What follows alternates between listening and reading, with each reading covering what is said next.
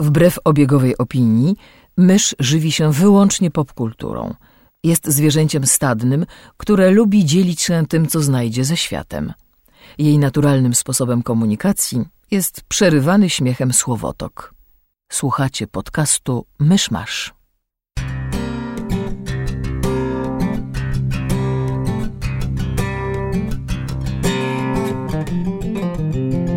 Zmiana kodu, dwójka z przodu, jak na każdych okrągłych urodzinach mawia mój dziadek. Nie spodziewałem się, że już tyle myszmasza za nami, a pamiętam tę pierwszą sesję nagraniową, jakby to było najdalej 4 miesiące temu. Zapraszam do 20 odcinka podcastu Myszmasz. Gospodarzami podcastu Myszmasz są Krzysiek Ceran, redaktor portalu Avalon. Kamil Borek ze studia Kobart. i Mysz, autorka bloga Mysza Mówi. Tak, to już 20 myszmasz. Z tej okazji nie przygotowaliśmy niczego specjalnego, ale za to za tydzień nie będzie odcinka. Tadam! Znaczy, odcinek będzie, ale nie, niezwykły. Tak, to już wyjaśnimy na końcu, o co właściwie chodzi i, i dlaczego i czemu. A tymczasem co u was? To ja w tym tygodniu w końcu obejrzałem Orphan Black. Usiadłem i nadgoniłem chyba w dwa dni. Dziewięć odcinków. Wiesz, ty chyba też? Tak, Mysz też. Ale chyba o tym mówiłam ostatnio, że obejrzałam Orphan Black do końca. Na pewno mówiłaś, że oglądasz, nie Tak. wiem czy że do Bo końca. ostatnim razem jeszcze nie obejrzałeś do końca. Ale tak, jest to serial świetny. Rzeczywiście. Znaczy, jest po prostu bardzo dobrze napisana historia. e, Spójna, konsekwentna, z postaciami, w które można uwierzyć. Który można polubić. Tak. Świetnie zagranymi. Nawet tych, których nie należy lubić, można polubić. I tak, ogląda się po prostu. W ogóle ten czas minął nie wiem gdzie. Usiadłem i obejrzałem w dwa dni wszystkie 10 odcinków. Ja muszę powiedzieć, że jak na tak. Bo z jednej strony to jest bardzo przewidywalny serial, bo jakby wszystko w nim. Wszystko to, co w nim widzimy, już do tej pory gdzieś widzieliśmy. Przynajmniej w podobnej konwencji. A z drugiej Trochę strony tak, no. te elementy są na tyle ciekawie i dobrze połączone, że nawet jeżeli jesteśmy w stanie mniej więcej przewidzieć, co będzie dalej, to, to seria jest nas w stanie zaskoczyć. E, Ja jako, że tak powiem, e, nieskromnie mówiąc, stary wyjadacz r- różnego rodzaju seriali, zazwyczaj e, nie jest mi tak łatwo zaskoczyć, jeśli chodzi o jakieś teorie spiskowe dziejów czy skomplikowane fabuły. Po prostu w pewnym momencie człowiek się uczy przewidywać kolejne ruchy czy kolejne jakieś zakręty fabuły. A właśnie serialowi Orphan Black e, udało się mnie jakby podejść do tego stopnia, że pierwsze parę odcinków obejrzałam z wielką przyjemnością, ale bez jakiegoś e, wielkiego zaskoczenia, a za to w finale ósmego, dziewiątego i dziesiątego odcinka dosłownie opadła mi szczęka. To znaczy odcinek się kończy, a mysz siedzi przed ekranem po prostu z, ze szczęką opierającą się o, o blat biurka i tylko się zastanawia, jak im się uda to przebić. I im się udaje. To jest rzeczywiście naprawdę bardzo dobry serial, o czym słuchacze, mam nadzieję, przekonają się sami, bo to jest, to jest taki serial, który jakby trudno jest trudno jest komukolwiek wmówić, jak on jest dobry. To znaczy, samemu trzeba się po prostu przekonać. I ja osobiście autentycznie nie mogę się doczekać na, na drugi sezon. Jestem bardzo ciekawa, jakby, jak to zostanie dalej poprowadzone, bo opcji jest wiele. I należy się tylko modlić, żeby nie było spadku formy, bo to jest właściwie jedyna rzecz, która może teraz serialowi zaszkodzić. Zgadza się. Jakby serial wprowadził tyle wątków, że mo- ma duże pole do popisu w następnym sezonie. Chyba o każdym serialu można powiedzieć to, że spadek formy może mu zaszkodzić. Tak, o każdym człowieku można to samo powiedzieć. Cichaj. Ja wreszcie przeczytałem książkę. Nie. Wiesz co, kiedyś było dla mnie nie do pomyślenia, że można zacząć książkę i jej nie skończyć. Jakby przez długie lata miałem tylko dwie takie książki, znaczy Stara Baśń, bo jest koszmarna i nie wiem czemu dzieci się tym katuje w szkole. Mm, I coś, co się nazywało chyba Gwiazda Południa i nawet nie wiem, czy to był romans czy western, bo to po prostu wziąłem z półki, jak nie miałem absolutnie nic do czytania i odłożyłem na półkę, jak tylko dostałem coś do czytania. Ale teraz a raz, że już zdarza, zdarza mi się to częściej, a teraz w ogóle dwie książki z rzędu zacząłem, nie skończyłem. Utknąłem w biografii Daniela Passenta, bo mnie nie do końca zainteresowała postać dziennikarza i felietonisty. A potem zacząłem reportaż Melchiora Wańkowicza przez Amerykę, nie, nie pamiętam już konkretnego tytułu, który jest fajną polszczyzną napisaną, a taką jeszcze, jeszcze przedwojenną, choć ta konkretna książka jest z lat 60. Tylko, że poza jakimiś szczegółami, detalami, to niczego nowego się z niej o Ameryce nie, nie dowiadywałem i dlatego utknąłem i ugrzązłem i wreszcie, żeby przełamać tę złą, złą passę, e, sięgnąłem po Szachin Szacha Kapuścińskiego, który jest trochę cieńszy od dwóch poprzednio wymienionych, ale nie. I, no i Szachin Szach jest super, Kapuściński jest super i nie wiem, czy mam się nad tym rozwodzić, bo wychodzę z założenia, że jest powszechnie znany. Ja w ogóle mało czytam polskiej literatury. To o czym jest szach, szach, Szachin Szach? No, Kapuściński był reporterem po całym kraju, po, po całym świecie podróżował. Szachin Szach konkretnie jest o rewolucji irańskiej e, z perspektywy człowieka ulicy, nawet nie jakiegoś konkretnego. No i są te właśnie wydarzenia makro opisane z perspektywy mikro. E, czasami wpada w taką jakby taką bardzo ozdobną prozę. Nie, nie, nie na takim poziomie, jak to ma miejsce w Cesarzu, który jest nazywany, tam nie wiem, że tam jest barokowa narracja i w ogóle i, i wiadomo, że ci Etiopczycy, z którymi rozmawiał, nie, nie opisywali mu tego w ten sposób i że to jest przez niego takim stylem ob, obdarzone. Mm, tutaj aż tak tego nie ma, ale są, są tego ślady. No i co? No i ja lubię Kapuścińskiego właśnie dlatego, że on nigdy nie zapomina o, o jednostkach, opisując te wielkie wydarzenia. Mm, a przy okazji pisząc o konkretnym wydarzeniu, tak naprawdę pisze o rzeczach wiecznych i ogólnych, to znaczy w tym wypadku to jest e, opresja, strach, narodziny buntu. Reportaże Kapuścińskiego są mądre i wartościowe i zacząłem je czytać pewnie gdzieś pod koniec gimnazjum i w czasach późnej starości też mam zamiar je czytać. Tym bardziej, że to nie jest tak, że ja siadam i czytam całą półkę Kapuścińskiego, tylko raz na jakiś czas po coś sięgam, także mam jeszcze jakby dużo, dużo przed sobą. A potem można powtarzać. Hmm. No ja jeszcze ostatnio zapomniałem o tym wspomnieć w zeszłym tygodniu, ale z ostatnio jakieś, teraz ostatnie filmy, które nagra- y, oglądałem, oglądałem parami. W sensie przypomniałem sobie o istnieniu filmu Super, którego nigdy nie widziałem. Jest to film o coś ala Kikas. To jest film o po prostu zwykłym facecie, który postanawia zostać superbohaterem. Jest, ma dziesięciokrotnie mniejszy budżet od Kikasa. Gra tam Rain Wilson e, z serialu The Office, głównie znany. Ellen Page, Kevin Bacon, a i Liv Tyler. To jest film niezależny, jakby pod każdym, jakby to widać pod każdym względem. Znaczy on jest taki trochę e, dziwny, ogląda się go dosyć nieprzyjemnie. Znaczy jest, to jest dokładnie, dokładnie to, co Kikas, tylko że w Kikasie Kikas jest mimo wszystko filmem akcji, jest nakręcony jak film akcji i te sceny, nawet jeśli on tam jest e, przemoc, czy taka przesadzona przemoc, to ona jest robiona dla rozrywki. Jakby w tym filmie, w Superze, ta przemoc jest e, niekomfortowo to się ogląda. I film ma, jest, ma parę fajnych momentów, ogólnie nie zostawił dla mnie, jakie, na mnie jakiegoś wielkiego wrażenia, znaczy nie zrobił na mnie jakiegoś wielkiego wrażenia, ale można, można sobie obejrzeć. Przy czym zrobił na mnie takie wrażenie, że skończyłem go oglądać i stwierdziłem, Kikas był lepszy. Obejrzę jeszcze raz Kikasa.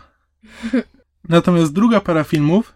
Poczekaj jeszcze na moment o superze. Kto to reżyserował? Czy to jest ten James A, Gunn? Tak, reżyserował to James Gunn. Mhm. Dlatego, właśnie, dlatego właśnie to jest taki bardzo dziwny film i ja właśnie, ta przemoc jest taka, im, taka, jaka jest. Im dłużej jakby się nad tym zastanawiam, że James Gunn kręci tych nieszczęsnych Guardians of the Galaxy. Tym bardziej mnie to martwi. Tak. To jest o tyle dziwne, że cały czas słyszę na temat jego wizji, jego podejścia do tego filmu same dobre rzeczy. Od ludzi, którzy naprawdę wiedzą, co mówią, więc ja tak siedzę i się zastanawiam. To znaczy od kogo?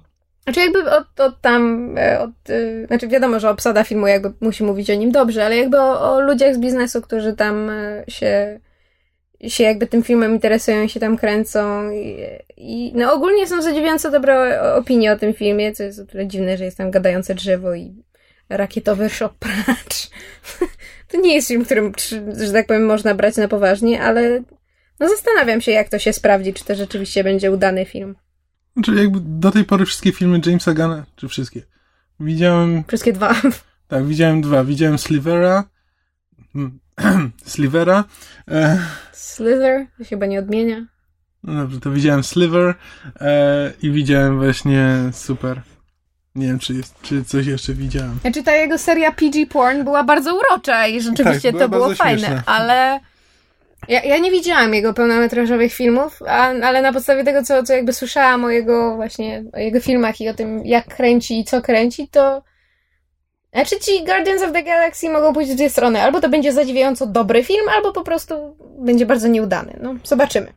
Dobrze. No to druga para filmów, jaką widziałem w tym tygodniu, to film Pojedynek, który jest remake'iem filmu Detektyw.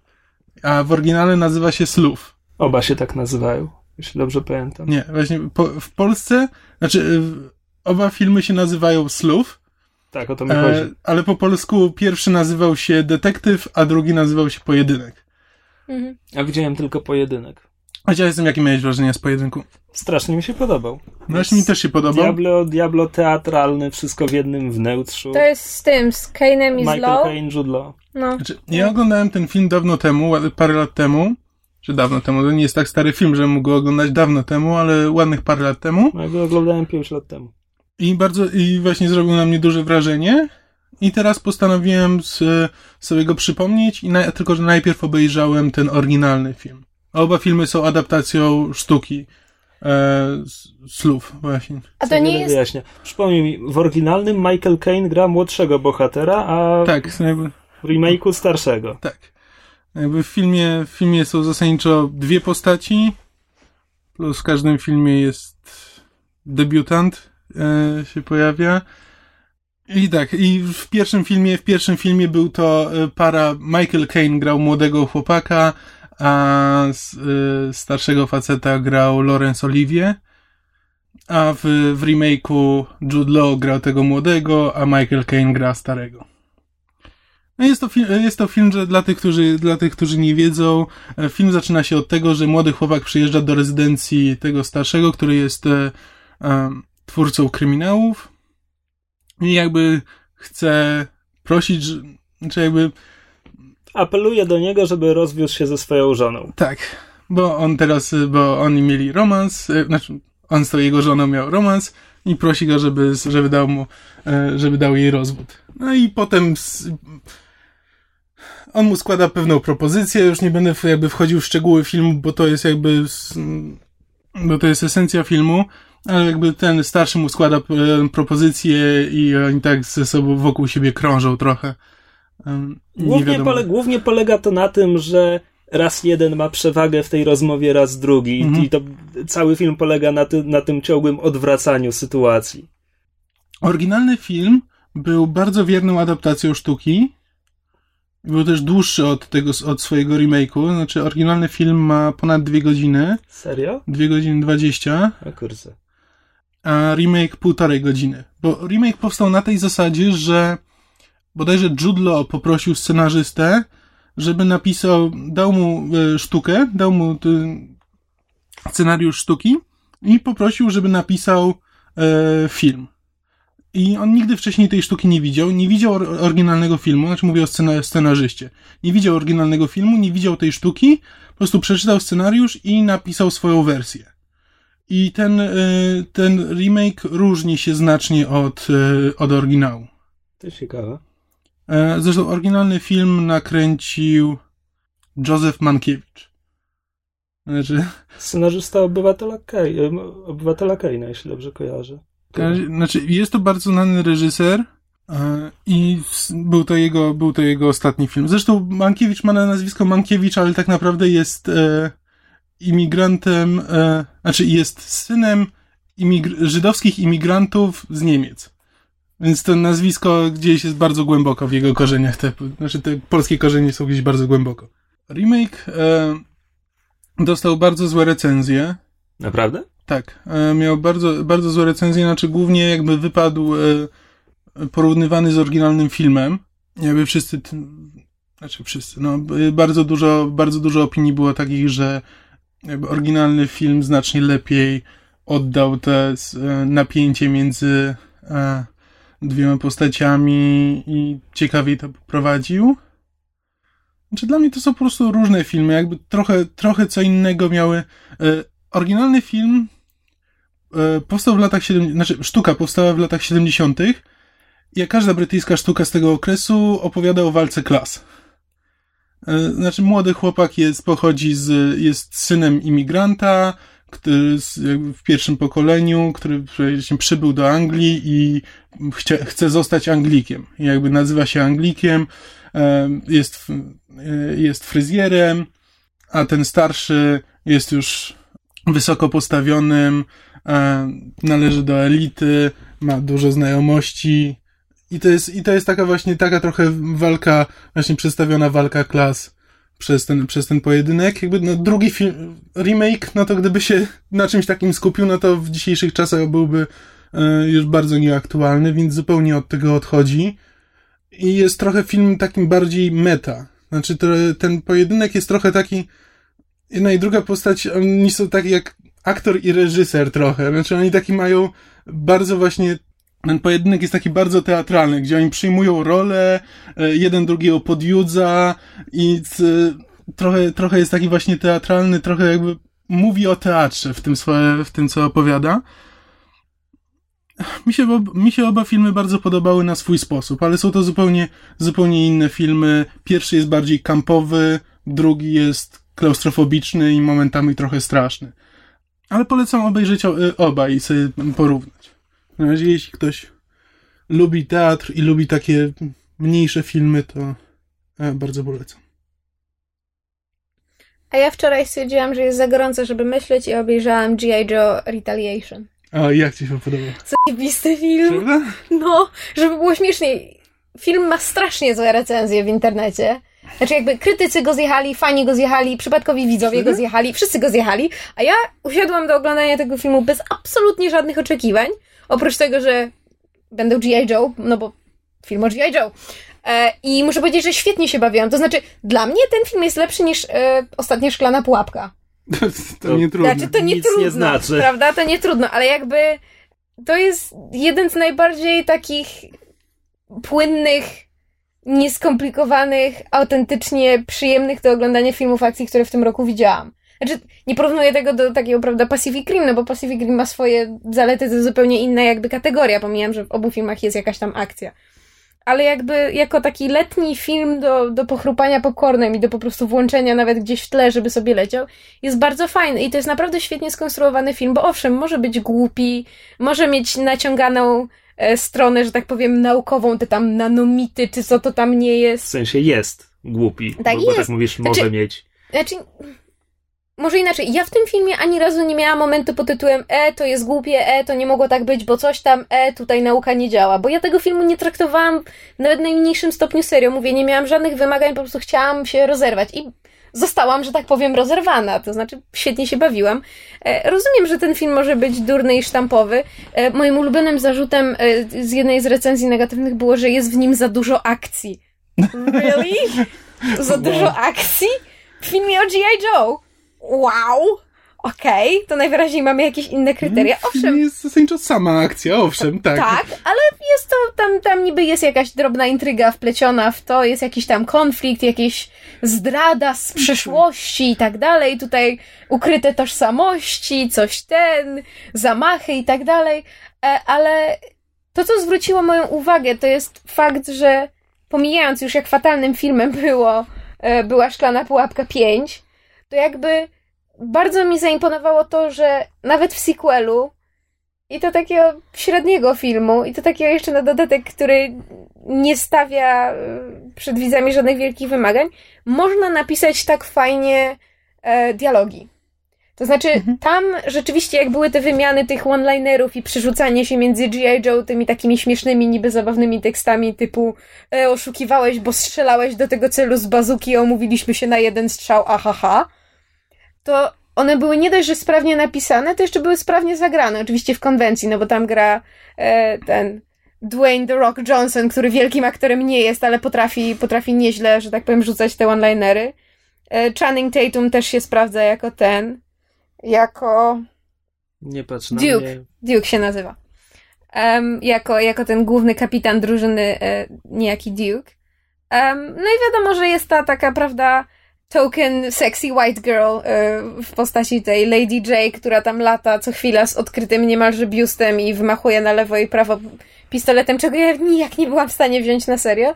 Jest bardzo przyjemne e, ten cameo Bruce'a Willisa, który w tym filmie jest o wiele lepszy niż w całej pieprzonej, przepraszam bardzo, szklanej pułapce 5 i to jest naprawdę bardzo przyjemny, zupełnie nie wymagający myślenia, autentycznie rozrywkowy film, który y, bardzo, że tak powiem, polecam na jakiś taki luźniejszy wieczór, żeby obejrzeć ze znajomymi, czy pochrupać przy nim popcorn, bo naprawdę nie rozumiem skąd te, te, te złe recenzje, naprawdę można się przy tym filmie świetnie bawić. No, Jako film rozrywkowy to on się absolutnie sprawdza. Mhm. A z kolei intryga jest, y, jest głupia, ale i tak znacznie mądrzejsza niż w filmie Olimp w ogniu, który udawał, że próbuje jakkolwiek być poważny, a G.I. Joe nie udają i tak są mądrzejsi niż ten cały film. A właśnie, a propos Olimpu w ogniu, musimy poczekać, aż ten Świat w płomieniach się pojawi do oglądania, dlatego że on jest podobno jeszcze gorszy niż w Olimp, Olimp w ogniu, więc powinniśmy koniecznie porównać. jeszcze mając w pamięci szklaną pułapkę 5, to już w ogóle. A poza tym jeszcze obejrzałam bardzo zaskakujący i bardzo uroczy film e, pod tytułem Frankie Go Boom. I część słuchaczy mogła o nim e, poniekąd słyszeć, ponieważ jest to film, w którym e, po raz już chyba trzeci w swojej karierze spotykają się aktorzy Charlie Hunnam i Ron Perlman, którzy wspólnie grają od wielu, już, e, którzy wspólnie od paru lat już grają w serialu Sons of Anarchy. Niedawno się spotkali ponownie w, w Pacific Rim Del Toro, a to jest kolejny film, w którym wspólnie zagrali i słuchacze mogą go kojarzyć z tego względu, że Ron... Mm, że Ron Perlman gra w tym filmie kobietę. To znaczy jakby gra w kobiecym przebraniu. E, I to był pierwszy powód, dla którego film w ogóle wpadł mi w, e, w radar, że tak powiem. Obejrzałam go wczoraj bez żadnych jakby e, oczekiwań i byłam bardzo przyjemnie zaskoczona. Jest to jeden e, też z jakby z lepszych e, filmów, które w tym roku zdarzyło mi się zobaczyć. W tym względzie, że jest to film wyraźnie niezależny, z pewnymi naleciałościami typu Cats Vegas czy inne tego typu filmy na zasadzie e, dziwnej, zwariowane przygody pary e, przyjaciół, ale w przeciwieństwie do Cats Vegas i innych tego typu filmów jest autentycznie śmieszny. I jest autentycznie fajny. I bohaterowie, którzy w nim są, są autentycznie sympatyczni i łatwo jest ich polubić i naprawdę film trwa chyba tam, nie wiem, niecałe półtorej godziny, a człowiek ma wrażenie, że minęło zaledwie 15 minut. E, naprawdę bardzo szczerze go polecam. E, nie tylko jakby fanom e, te, tej dwójki aktorów, bo, bo tego, na tego typu filmy bardzo trudno jest trafić. To znaczy, to nie są filmy, które są w kinach, to nie są filmy, które są ogólnie znane czy polecane. To są filmy, na które trzeba trafić samemu albo z polecenia, a naprawdę potrafią bardzo człowieka ująć za serce i potem jakby stają się takim um, kultowym niejako fenomenem, więc y, polecam, drodzy słuchacze, żebyście go obejrzeli, żeby być y, jakby przed owczy, zdąży, żeby zdążyć przed owczym pędem. Jezu, jak ja się zaplątałam w tych swoich zeznaniach. Dobrze, przejdźmy do czegoś innego. Rozmawiajmy o filmie, który wszyscy widzieliśmy. Musimy... Dyskusja na trzy głosy. Chodzi o Bizancjum Nila Jordana. Dlaczego myśmy w ogóle poszli na to Bizancjum? To znaczy, ja wiem, dlaczego ja poszłam.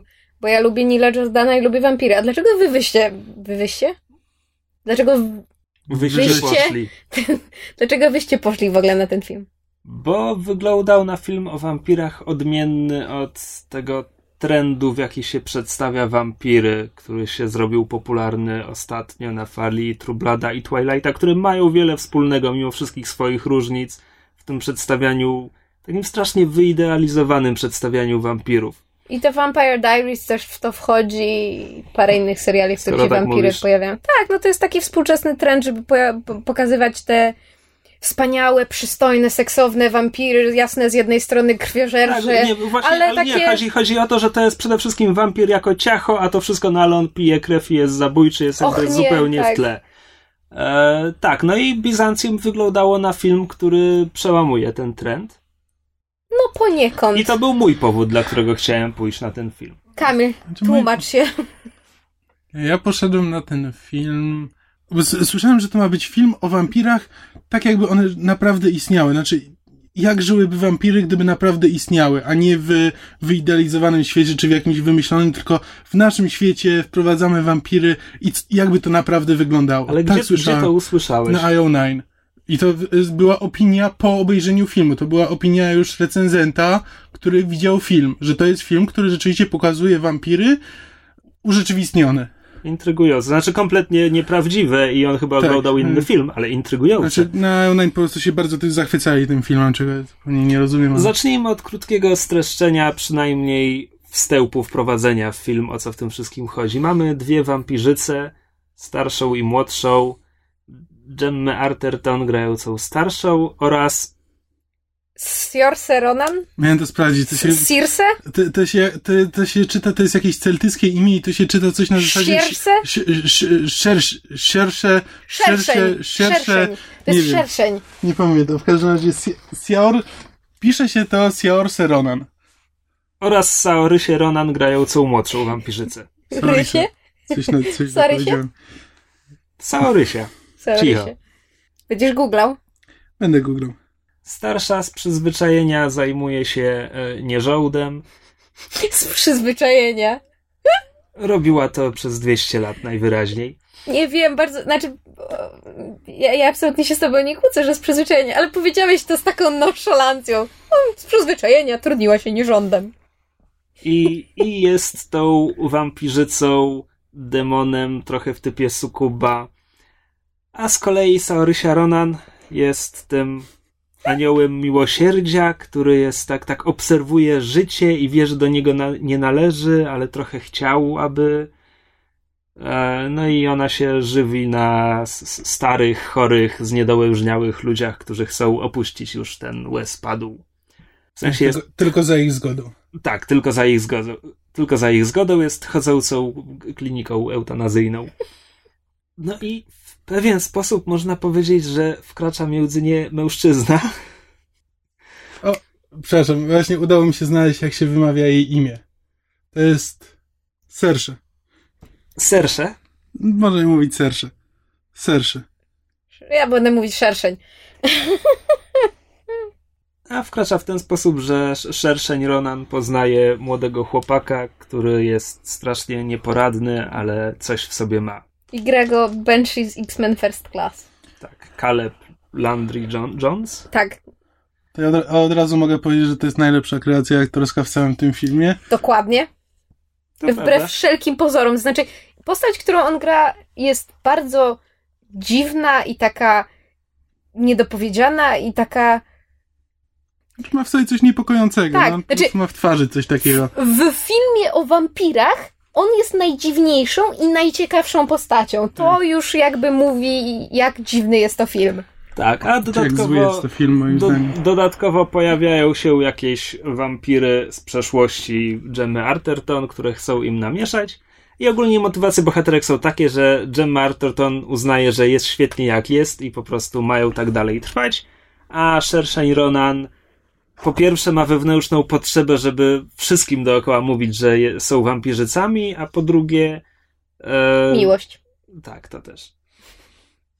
I to jest ten film. I teraz przede wszystkim, chociaż Gemma Arterton jest tym demonem seksu, to jednak to nie jest jej najważniejsza cecha. To, to nie chodzi o to, żeby seksualizować te wampiry na ekranie. Nie? Bo dla mnie e, jakby aktorką pierwszoplanową jest Gemma Atherton, a e, drugoplanową jest jej biust. Bo jej biust ma więcej czasu ekranowego niż, niż Sersze w tym filmie. Po pierwsze, to nieprawda, a po drugie, tak, ale to, to nie jest celem tych scen. One nie służą temu, żeby, żeby widz się podniecał. A, nie no, po prostu ten film się skupia właśnie na tej egzystencji wampirów i tym ich wyłączeniu z życia i ty masz go kontemplować. On tworzy atmosferę i klimat i, i chodzi o to, żeby go chłonąć wszystkimi porami ciała, a nie skupiać się na fabule, która jest głupia. Tak.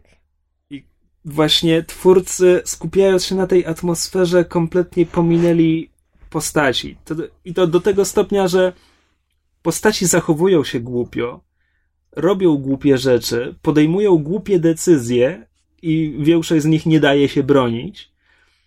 Nie tak na zasadzie, ale, ale co ona robi, ależ to głupie. To jest na zasadzie, że dwie wrogo do siebie nastawione postaci są w jednym pomieszczeniu. Jedna mówi do drugiej: zamknij oczy, i skrycie zaskakująco ją wtedy zabija. Tak.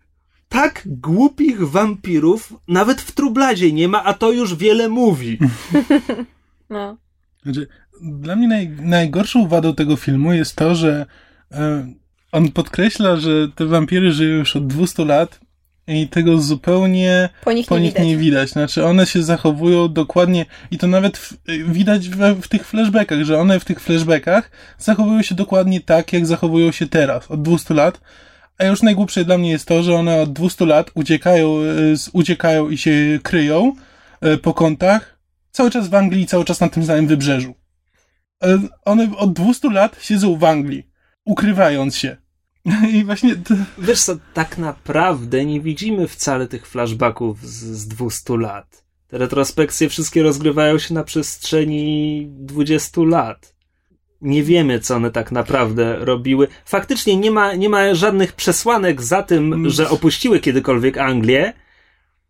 No Biorąc ale pod uwagę, że zakładać, że, że Sersze nie zarabia, a e, Gemma Atherton zarabia głównie na, Na kolanach i plecach, jak to jest ładnie w filmie ujęte. tak, na kolanach i plecach, to raczej nawet nie miałyby za co uciec z tego kraju. Mm. Czy z tego, co ja zrozumiałam z kontekstu filmu, to jest to, że one rzeczywiście tej Anglii nie opuszczają, ale jakby jeżdżą z miejsca Nie, na no tak, miejsce, z często miejsca się przenoszą, ale tylko jakby na tym tam terenie, powiedzmy, Anglii, Szkocji, tej kawałka Walii, który tam jest i tak dalej, no. W każdym razie siedzą na tej wyspie i się z niej nie ruszają. Znaczy, ja się zgadzam pod tym względem, że to było też to, co mnie najbardziej w tym filmie przeszkadzało, bo jakieś dziury logiczne trudno, zniesę. E, przewaga klimatu i atmosfery nad treścią, okej, filmy Jordana mają do tego tendencję, akurat to u niego lubię, spoko. Ale fakt, że dwa dwustuletnie wampiry, czy też wampirzyce, e, zachowują się jak e, pieprznięte, przepraszam, dzierlatki, współczesne jakieś w ogóle nastolatki, które nie wiedzą jak sobie radzić. Jedna tylko dupy daje, a druga tylko wszędzie rozsyła te listy o tym, że jest wampirem i czy ona naprawdę myśli, że nikt tego nigdy nie znajdzie? Jeszcze one ze sobą nie rozmawiają, bo z jednej strony ta, ta starsza wampirzyca chce tą młodszą chronić i ukrywać, a z drugiej strony nic jej nie mówi. I dlaczego się ukrywają? Dlaczego to jest tak ważne, żeby ten sekret był zachowany? To jest w ogóle zero. Nie czuć tego, że one są razem od 200 lat, nie czuć tego, że one mają po te 200 lat, nie czuć tego, że one w jakikolwiek sposób musiały się pogodzić z byciem wampirem. To znaczy, ja jakby nie widzę tego, ani tego takiego hedonistycznego pogodzenia się z byciem wampirem, który zazwyczaj u wampirów jest, jak powiedzmy w Trublodzie, ani tego drugiego e, skrajnego zachowania, czyli tego męczeństwa pod tytułem och nie, muszę pić krew, to takie straszne. Z jednej strony właśnie to w filmie występuje, bo ta młodsza wampirzyca jest tą właśnie męczennicą pod tytułem zabijam tylko tych, którzy o to poproszą, nie chcę pić krwi, nie chcę ich ranić, bla bla bla. A ta starsza jest z kolei tym takim wyuzdanym wampirem, który nic tylko seks, krew, seks, krew. Ale to i tak nie jest wiarygodne, mimo że one są tymi stereoty- no one są stereotypami. ekranie tylko po to, żeby mieć schemat e, Tak. zaborczej matki i, jej córki. E, Co co też mi- nie jest to, co mi- wiarygodne. E, To, co mi najbardziej przeszkadza w tym momencie, to jest fakt, że, jak jest zresztą podkreślane przez scenę, która trafiła do zwiastuna, e, zwiastunu, Trailera? reklamy filmu, e, Szerszeń jest szesnastolatką e, forever. W domyśle przez ostatnie 200 lat była szesnastolatką i dopiero w tym momencie jest ta iskra buntu nastoletniego po 200 latach, do 200 lat do tego dorastała? Właśnie o tym mówię, że po prostu nie wiadomo, co, co one robiły przez te 200 lat. To jest ten film wygląda tak, jakby one się właśnie te 200 lat temu, mamy te flashbacki 200 lat temu, po czym nie działo się nic i mamy współczesność. Mhm. I to takie sprawia wrażenie. W ogóle nie wiadomo coś, jak wyglądało ich życie do tej pory. Tak, dlaczego... Tak, I co więcej, zresztą już chyba już powiedziałaś, że nie chodzi o to, że nie wiadomo, jak wyglądało to życie. W ogóle nie ma wrażenia, że one miały jakieś Tak. życie. Mhm. To jest dokładnie tak, jakby wraz z cięciem montażowym one się przeniosły do naszych czasów. Dokładnie, o tym właśnie mówię. I tego najbardziej temu filmowi nie jestem w stanie wybaczyć, bo po prostu to od razu, to od razu sprawia, że dla mnie te postaci są już, są już wydmuszkami. Ja już w nie nie wierzę. Więc, e, a jak na film, w którym właśnie te postaci są głównym, głównym punktem skupienia, no to ja już nie mogę w tym filmie dla siebie nic znaleźć, no. Żeby było zabawniej, gdyby te retrospekcje nie działały, nie, nie miały miejsca gdzieś w czasach napoleońskich, tylko w latach 70., to już film był, miałby dla mnie sens. Tak, i wcale by to wiele nie zmieniło, nawet fabularnie. Spokojnie można by to było e, umieścić właśnie e, w tych latach z, nie, z praktycznie tą samą fabułą. Tym bardziej, że jakby w filmie jednym z wątków jest to, że one są ścigane. Od 200 lat. Naprawdę przez 200 lat ich nie znaleźli na jednej i tej samej wyspie? Tak, Widziałaś- szerszy, widziałaś- w każdym miejscu, w którym zostaje, wyrzuca kartki z pamiętnika zapisujące, co się z nią To działo. można by jak po okruszkach dojść. Dokładnie. Ale widziałaś, jacy idioci je ścigają. Tak. Na jakie głupie sposoby oni giną i ty się dziwisz, że ich nie znaleźli. Przecież to są... Oni też się na, najwyraźniej przez te plus minus 200 lat w ogóle nie Mówię, rozwinęli. najgłupsze wampiry, jakie kiedykolwiek widziałem na ekranie. Kiedykolwiek. Mm. Znaczy, ja mam wrażenie, że ten film po pierwsze byłby lepszy, gdybyśmy rzeczywiście, gdyby te flashbacki były powiedzmy 30 lat temu, a nie 200 lat temu. E, A po drugie, gdyby film wbrew wszelkim pozorom nie był z perspektywy wampirów, tylko z perspektywy tego ludzkiego chłopaka. Gdyby to on był jakby tym, który, z którego jakby perspektywy poznajemy te dwie kobiety i w sumie nie bardzo wiemy, kim one są, bo jedna jest taka obie są takie dziwne i ta, ta, ta młoda niby się mu podoba i próbuje się z nim przyjaźnić, a z drugiej strony nie i cały czas go od siebie odsuwa i jakieś takie dziwne rzeczy mu mówi i niejasne sygnały. Gdyby to było w ten sposób pokazane troszeczkę na zasadzie tego em, tak jak był ten szwedzki film Let the Right One In, też o wampirach zresztą. Gdyby zachować klimat Jordana i po prostu zrobić ten film z innej perspektywy, to mam wrażenie, że byłby jakby o wiele lepszy. Znaczy, ja chciałem tylko powiedzieć, że mm, nie wiem, to chyba nie było w twojej recenzji, to chyba na IO9 było napisane, że mm, ta autorka tej oryginalnej sztuki, na której jest oparty ten film, ona pisała tą sztukę z myślą o e, młodszych osobach. To było w mojej recenzji, ja to przeczytałam na Wikipedii, tak, że to było, znaczy, na Wikipedii było bardzo niewiele o tej sztuce w ogóle napisane, było napisane, że autorka y, wymyśliła i stworzyła sztukę dla młodzieży, tylko ja nie rozumiem, czy dla młodzieży w sensie, że młodzież miała być odbiorcą, czy że młodzież miała być także odtwórcą. W każdym razie, moim zdaniem, to nawet nie jest wina Jordana wyłącznie, tylko po prostu sztuka była nie, nieadekwatnym materiałem, że była po prostu źle napisana. Tak, nawet właśnie czytałem wywiad z Jordanem i właśnie prowadzący wywiad coś takiego powiedział, że czym... Nie pamiętam to, o co chodziło w pytaniu. W każdym razie, czemu coś tam, coś tam, coś tam. Czemu się w tym filmie wydarzyło coś e, tak, a nie inaczej, że to trochę dziwne, w nawiasie głupie, że, ta, że tak się wydarzyło. I Jordan na to odpowiada, to nie moja wina, to wina scenarzysty. I nam potem próbuje jakoś wytłumaczyć, czemu tak się mogło... A, bo to było pytanie o to, czemu Sersze pora... dopiero teraz postanawia komuś powiedzieć prawdę. I właśnie i Neil Jordan pierwsze, pierwsze co odpowiada, to e, to nie jest jego wina, to jest wina scenarzysty. I potem tam tłumaczę, że może dopiero teraz e, e, w- obudziła się w niej ta właśnie taka iskra. Coś tam próbuje to tłumaczyć, ale pierwszy jego instynkt jest taki, to nie ja, to scenarzysta. Już go lubię. Ale czekaj, bo ja też z twojej recenzji na twoim blogu wyczytałem, że autorka sztuki jest również autorką e, Tamary Drew. Tak. Okej, to z tych dwóch filmów zdecydowanie lepiej bawiłem się na Tamarze Drew. Nie wiem, co to jest Tamara Drew. Polski tytuł Tamara Drew i mężczyźni. Chyba tak. Albo i faceci. E, dziewczyna wraca na wieś, e, na swoją rodzinną wieś i wyjeżdżała jako brzydkie kaczątko, a wraca jako e, atrakcyjna laska e, ze zaperowanym nosem, co jest punktem fabularnym w filmie. Tak. No i jest taka dość tradycyjna komedia na zasadzie, że tam jakieś są związki romantyczne, które się strasznie krzyżują, jest jakiś dom, w którym grupka, grupka autorów e, przyjeżdża i tam w spokoju tworzy swoje powieści. Pisarze działają trochę jak chór grecki. Są dwie znudzone nastolatki, które są małymi, złośliwymi agentkami chaosu i tam ich jakby działania napełdzają połowę wątków w filmie. Mm, nie ma to wszystkiego jakiegoś głębszego przesłania, ale ma taką fajną energię. Był zabawny, podobał mi się humor w tym filmie. Mysz się na mnie dziwnie patrzy. Bo mi się ten film w ogóle nie podobał. Ja miałam, znaczy ja miałam co do niego dość duże oczekiwania, bo trailer zapowiadał właśnie taką, taką typową, lekką brytyjską komedię z takiej te, troszeczkę inteligentniejszego nurtu. Poza tym właśnie gra w filmie Gemma Arterton. Tak się akurat śmiesznie składa. E, że gra również w tym filmie. I obejrzałam go i dawno się tak na filmie nie wynudziłam. E, ten film nie miał sympatycznych postaci, związki między postaciami nie sprawiały wrażenia realistycznych, ani życiowych, ani w ogóle w ogóle między nimi nie iskrzyło. Wątki były właśnie z, w ogóle wzięte z powietrza i działy się tylko i wyłącznie dlatego, że autorka tak chciała, a nie dlatego, że tak wynikało z fabuły. W ogóle ten film się sypał, przynajmniej moim zdaniem. Więc jakby... Wszystko to samo mogę powiedzieć o Bizancjum. No właśnie i dlatego mi się wydawało to...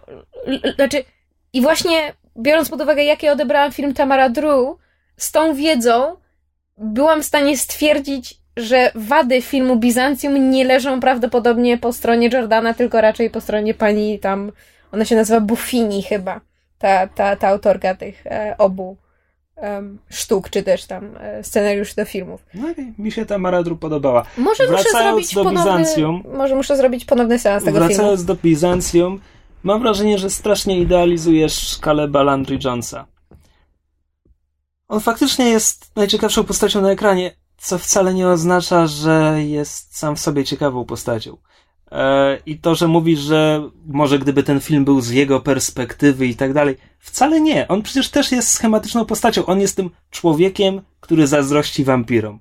Jakby, gdyby jeszcze od czasu do czasu zjadał jakiegoś owada, to byłby Ale Renfieldem. Ale przecież ma białaczkę. Nie może być typową postacią, jeśli ma białaczkę. Mam wrażenie, że to, było, to była logika scenarzystki w tym filmie. Znaczy, ja się z tobą zgadzam, że on jakby sam w sobie, mimo że jest najlepszą postacią w tym filmie, sam w sobie nie jest wcale taki ciekawy i też jest dość, stere- dość stereotypowy, ale wiesz, po prostu próbuję znaleźć jakiś, jakiś powód, który mógłby sprawić, żeby ten film był lepszy. Znaczy, staram się mm, jakoś mieć, wiesz, nadzieję, że może gdyby ten film był inaczej zrobiony z tymi elementami, które mamy do dyspozycji, że dałoby się z tego coś coś jeszcze wykrzesać. Nauczyciel angielskiego był spoko. Postać poboczna. Tak, ale miał za, mało, za małą rolę. Żeby było śmieszniej, ten aktor jest stosunkowo znany. E, słuchacze mogą go kojarzyć z, e, przede wszystkim z Piratów z Karaibów. Ja teraz zupełnie zapomniałam, jak on się nazywa. Kogo on grał w Piratach Nie, Karaibu? nie kapitana Norringtona, tylko tego drugiego, tego złego, który tam różne machlojki robił. A, E, zupełnie nie pamiętam teraz, jak się nazywa ani Nie, postać w Piratach z Karaibów, ani postać to chyba aktor. był Beckett, ale mogę się Może, mylić. tak, tak, tak, chyba masz rację. W każdym razie ten, ten sam Ten aktor z gra kompanii w wschodnioindyjskiej. Bizancjum e, i żeby było śmieszniej, on ma bardzo sensowną rolę jak na ten film. Bardzo Tak. małą rolę, bardzo niewykorzystaną i żeby było śmieszniej, e, podobno nie ma go w ogóle w napisach końcowych, jest uncredited. Zabawne, ale podobnie jak wszyscy inni na ekranie, nie ma zmysłu niebezpieczeństwa. Zero zwodków ostrzegawczych. Mhm. Nic. Kompletnie, zupełnie zero. Tak. Oni wszyscy jak owce na rzeź, po prostu szeroko otwarte oko, oczy, okna. Szeroko otwarte oczy, Ale dziwują się. Oczy są oknami duszy. Tak, dokładnie, tak. Szeroko otwarte okna duszy. Tak, i oni się tak dziwują i obserwują te niesamowite istoty i w ogóle, ojej, co, co jest za tym rogiem? Co ona zaraz powie? Co się za moment wydarzy? Ojej, skąd się Umieram. wziął ten młotek w mojej głowie? E, nie spodziewałem się tego. Hmm. Ale nawet ta, jeszcze ta, oprócz tego właśnie postaci tego nauczyciela, ta, nie wiem czy ona jest, to jest psycholog szkolna, czy to jest dyrektorka szkoły, ta, Albo pani pedagog, albo pani wiedzą. tak. Też zupełnie zero instynktu jakiegokolwiek niebezpieczeństwa, czy, czy jakiegoś, jakiegokolwiek w ogóle Tak, instynktu samozachowawczego, Znaczy, zero. W najlepszym wypadku, nawet jeśli ona nie wierzy w to, że ona naprawdę jest wampirem, to w najlepszym wypadku jest psychopatką. Dziewczyna, z którą ona rozmawia. I zero w ogóle się nie przejmuje tym, ani nie wzywa, ani nie wzywa żadnych służb, ani z, z nikim nie ja bym, rozmawia. ja bym chciał taki króciutki króciutki segmencik, bardzo spoilerowy, w którym podsumujemy te wszystkie głupie zgony, bo one zasługują na to, żeby je uwiecznić. Bo po tym wszystkim, co powiedzieliśmy, mam wrażenie, że nasi słuchacze nie będą mieli ochoty iść na ten film i to będzie pewnie dobra decyzja, a chciałbym im to przekazać. Spoiler, spoiler, spoiler, spoiler. Nie, nie, nie możemy już tego... Copy, copyright dla podcastu Capryfolium. Tak, nie możemy już korzystać z tego, z, Długa, z tego jingla. Co się dzieje? Okazuje się, że podcast Capryfolium już miał w drugim odcinku e, ten jingle.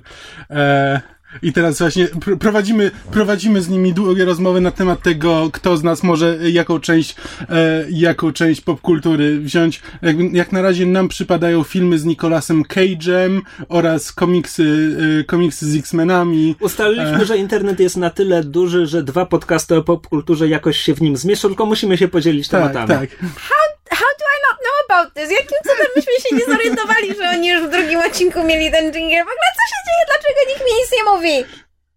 Przechodząc do segmentu spoilerowego. że, żeby nie było, to wszystko jest e, w ten w przyjacielskiej atmosferze, bo to mogło zabrzmieć tak, jakbyśmy mieli pretensje do kogokolwiek. Ja mam pretensje, że nikt mi nic nie mówi.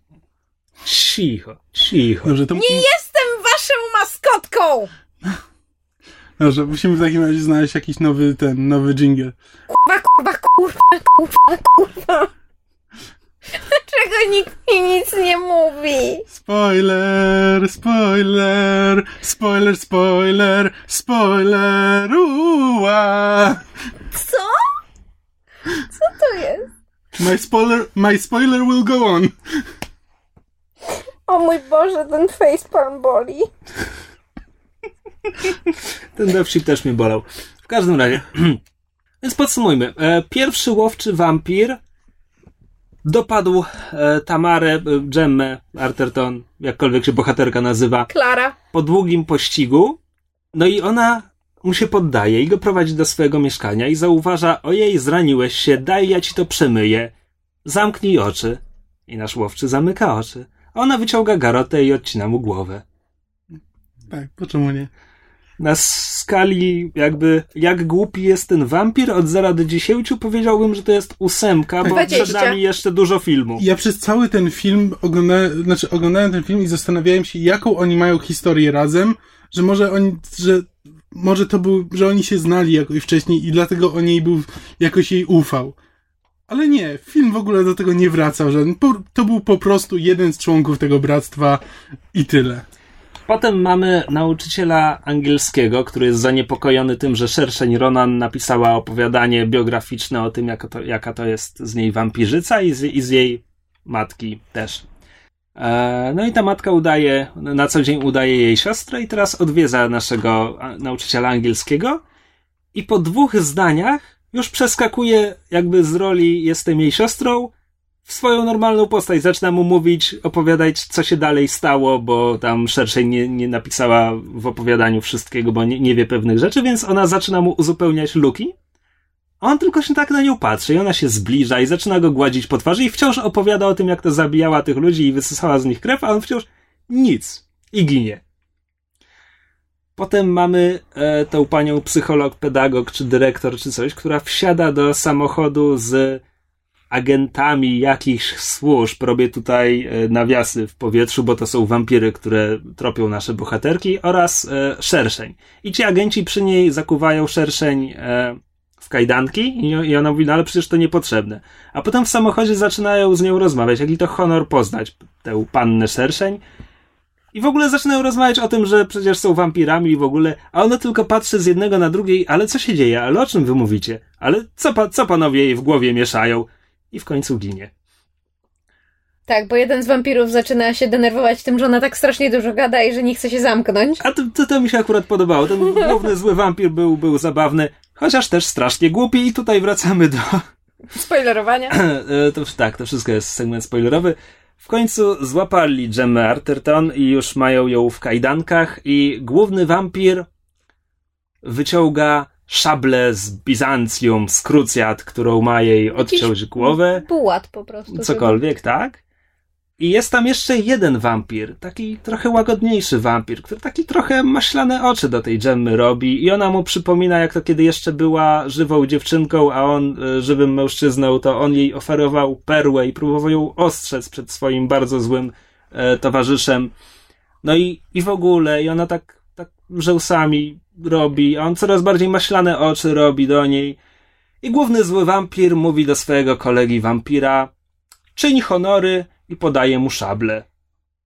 Zgadnijcie, jak to się kończy, drodzy słuchacze. Jak może się skończyć ta scena? I naprawdę nie jestem w stanie ocenić, który z tych cholernych wampirów jest głupszy. No, przejdźmy może dalej, bo ja naprawdę już zmarnowaliśmy zbyt dużo czasu. Nawet y, ten film zmarnował już wystarczająco dużo mojego życia, żebym teraz marnował jeszcze więcej Ale na rozmawianiu tak o nim. Jak, tak jak ci powiedziałem tuż po seansie, ja nie żałuję, że na niego poszedłem. Ja żałuję. Ja do, tej, do tej pory, nawet jeśli rozmawialiśmy w tym podcaście o różnych filmach i wielokrotnie inne takich, które nam się niekoniecznie podobały, ale za każdym razem stwierdzałem, że w sumie to nie żałuję tych pieniędzy, które wydałem, bo były rzeczy, które ratowały ten film i z jakiegoś powodu się to przyjemnie oglądało. W tym filmie nie jestem w stanie znaleźć nic, co, e, co byłoby dla mnie warte ceny biletu, biorąc pod uwagę, że zapłaciliśmy za, za bilety po 10 zł w ramach promocji. Jest jedna rzecz, którą, e, która nadaje temu filmowi wartość i sprawia, że jakby wynieśliśmy z niego coś bardzo ważnego. Mianowicie informację, żeby nigdy więcej nie chodzić na filmy tłumaczone przez tego pana. Tak. Pan, Pan Marcin, Marcin Leśniewski. Leśniewski. Tak. Drodzy słuchacze, jeżeli kiedykolwiek wpadnie wam w oczy nazwisko tego pana, czy w napisach do filmu na DVD, czy nie daj Boże w kinie, czy jeżeli wpadniecie na tego pana gdzieś na ulicy, albo w Empiku, albo jeżeli znacie tego pana osobiście, proszę, żebyście w moim imieniu wzięli go za fraki i przyłożyli mu z całej siły w zęby. Bo to jest po prostu fonfel najwyższej wody i po prostu należałoby go za włosy wyciągnąć z biznesu tłumaczenia, zamknąć na cztery spusty i nawet mu jeść nie dawać. Taki jest fatalny w tym, co robi. Może miał zły dzień. Nie. Nie. Słuchaj, tłumaczenie było karygodne, no narzekałem na nie razem z wami, nie, nie kłócę się z tym, no ale każdemu może się powinąć nie, noga. E, nie, nie, nie, nie, nie zaglądałeś na bloga myszy pewnie już po przeczytaniu. Kamil zrobił research. Tak, ja zrobiłem research, bo dowiedziałem się, że on tłumaczył e, jeden z odcinków z tych pełnometrażowych odcinków Futuramy, e, e The Beast with a Billion Bucks. Pamiętam. I tam jest e, na, na, w jednej z początkowych scen Fry przyprowadza nową dziewczynę i Bender mówi Oh, that's awkward, uh, introducing your, uh, your new girlfriend to Chesty McNagnach here, wskazując na Lilę. E, w tłumaczeniu lektor mówi, e, to niezręczne przedstawiać swoją nową laskę e, naszej uszatce. I nie jestem w stanie zrozumieć. Absolutnie. Czasami jestem w stanie zrozumieć, z czym komuś się mogło pomylić to sformułowanie z tym sformułowaniem, czy cokolwiek, ale nie jestem w stanie wymyślić, co autor usłyszał, przeczytał, e, jak to wygooglował. Nie wiem o co chodzi. I, I w każdym razie okazało się, że nawet na Filmwebie, nie że Filmweb jest jakimś tutaj dobrym wyznacznikiem, ale na Filmwebie jest wątek, który ostrzega przed filmami tłumaczonymi przez tego pana. Jak się okazuje, tak, tłumaczył wszystkie części piły. I Resident Evil, gdzie w Resident Evil przetłumaczył The Umbrella Corporation jako korporacja Parasol. Parasol.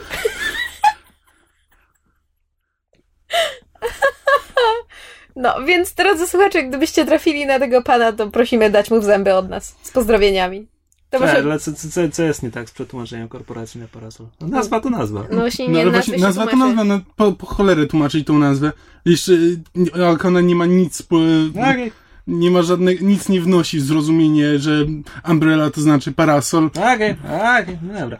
E, ja tylko na sam koniec chciałbym powiedzieć, że dla mnie Bizancjum jednak parę zalet ma. Mm, bardzo fajne zdjęcia. Muzyka. Fajna muzyka. Gemma Arterton jest ładna. E, Saory się Ronan się fajnie ogląda na ekranie. Mhm. Tyle. W sumie ta atmosfera jest fajna. Tak, no mówię, to jest to jest źle że, stała... źle, że film się tak na niej skupił, że zapomniał o wszystkim innym. To jest stała cecha filmów Jordana. Jeżeli ktoś lubi te takie klimaty, to, to może Bizancjum obejrzeć niekoniecznie w kinie, raczej w domu, jak nie ma nic innego do oglądania, jakiś, nie wiem, deszcz za oknem, ciepły kubek herbaty i talerz ciasteczek, ale Tak, jeśli była apokalipsa i to jest jedyne DVD, które ci zostało w domu. O Jezus Maria! Ale odradzał... Nigdy jeszcze nie widziałam, żebyś tak jechał po filmie. Od, odradzałbym drinking game polegający na tym, by pić, kiedy ktoś na ekranie robi coś głupiego, bo to może być niebezpieczne dla zdrowia. Tak. I skończmy temat, oszczędźmy już wstydu i Kamila inwektyw i przejdźmy do kolejnego tematu, który mamy na dziś przygotowany. To znaczy, wy chłopcy chcieliście coś porozmawiać o grach, jeżeli dobrze pamiętam, a ja w tym momencie zacznę zaplatać warkoczyki z nogawek moich spodni. Ale nie musisz, myślę, że będziesz miała coś do dodania. Nie, ja oczywiście będę słuchać, ale to będzie, że tak powiem, wy będziecie prowadzić e, konwersację, a ja będę się przysłuchiwać i robić za maskotkę. Jest to temat, po którego obrzeżach po omacku i nie wskazując go i nie nazywając go, rozmawialiśmy tydzień temu, kiedy mówiliśmy o Skyrimie. Chodzi o dwa rodzaje narracji w grach, które po angielsku nazywają się Scripted Narration i Emergent Narration. Nie wiem, czy są w polskim groznawstwie jakieś odpowiedniki. Ja na własny użytek nazywam je narracją narzuconą i organiczną. Okay. Jeśli wam pasuje, będziemy, będziemy tego używać w tym Mo, odcinku. Możemy tak używać. Ja próbowałem coś poszukać w Google'ach na szybko. Nie miałem za dużo czasu, ale na szybko próbowałem znaleźć. Nie znalazłem jakby dobrego tłumaczenia. No i o co chodzi? Narracja narzucona to będą w grze rzeczy, które się muszą wydarzyć. I dzieją się tak, jak to autorzy sobie zaplanowali. To będą dialogi, to będą zwroty akcji. Ogólnie w gruncie rzeczy ogólnie fabuła gry mhm. będzie narracją narzuconą.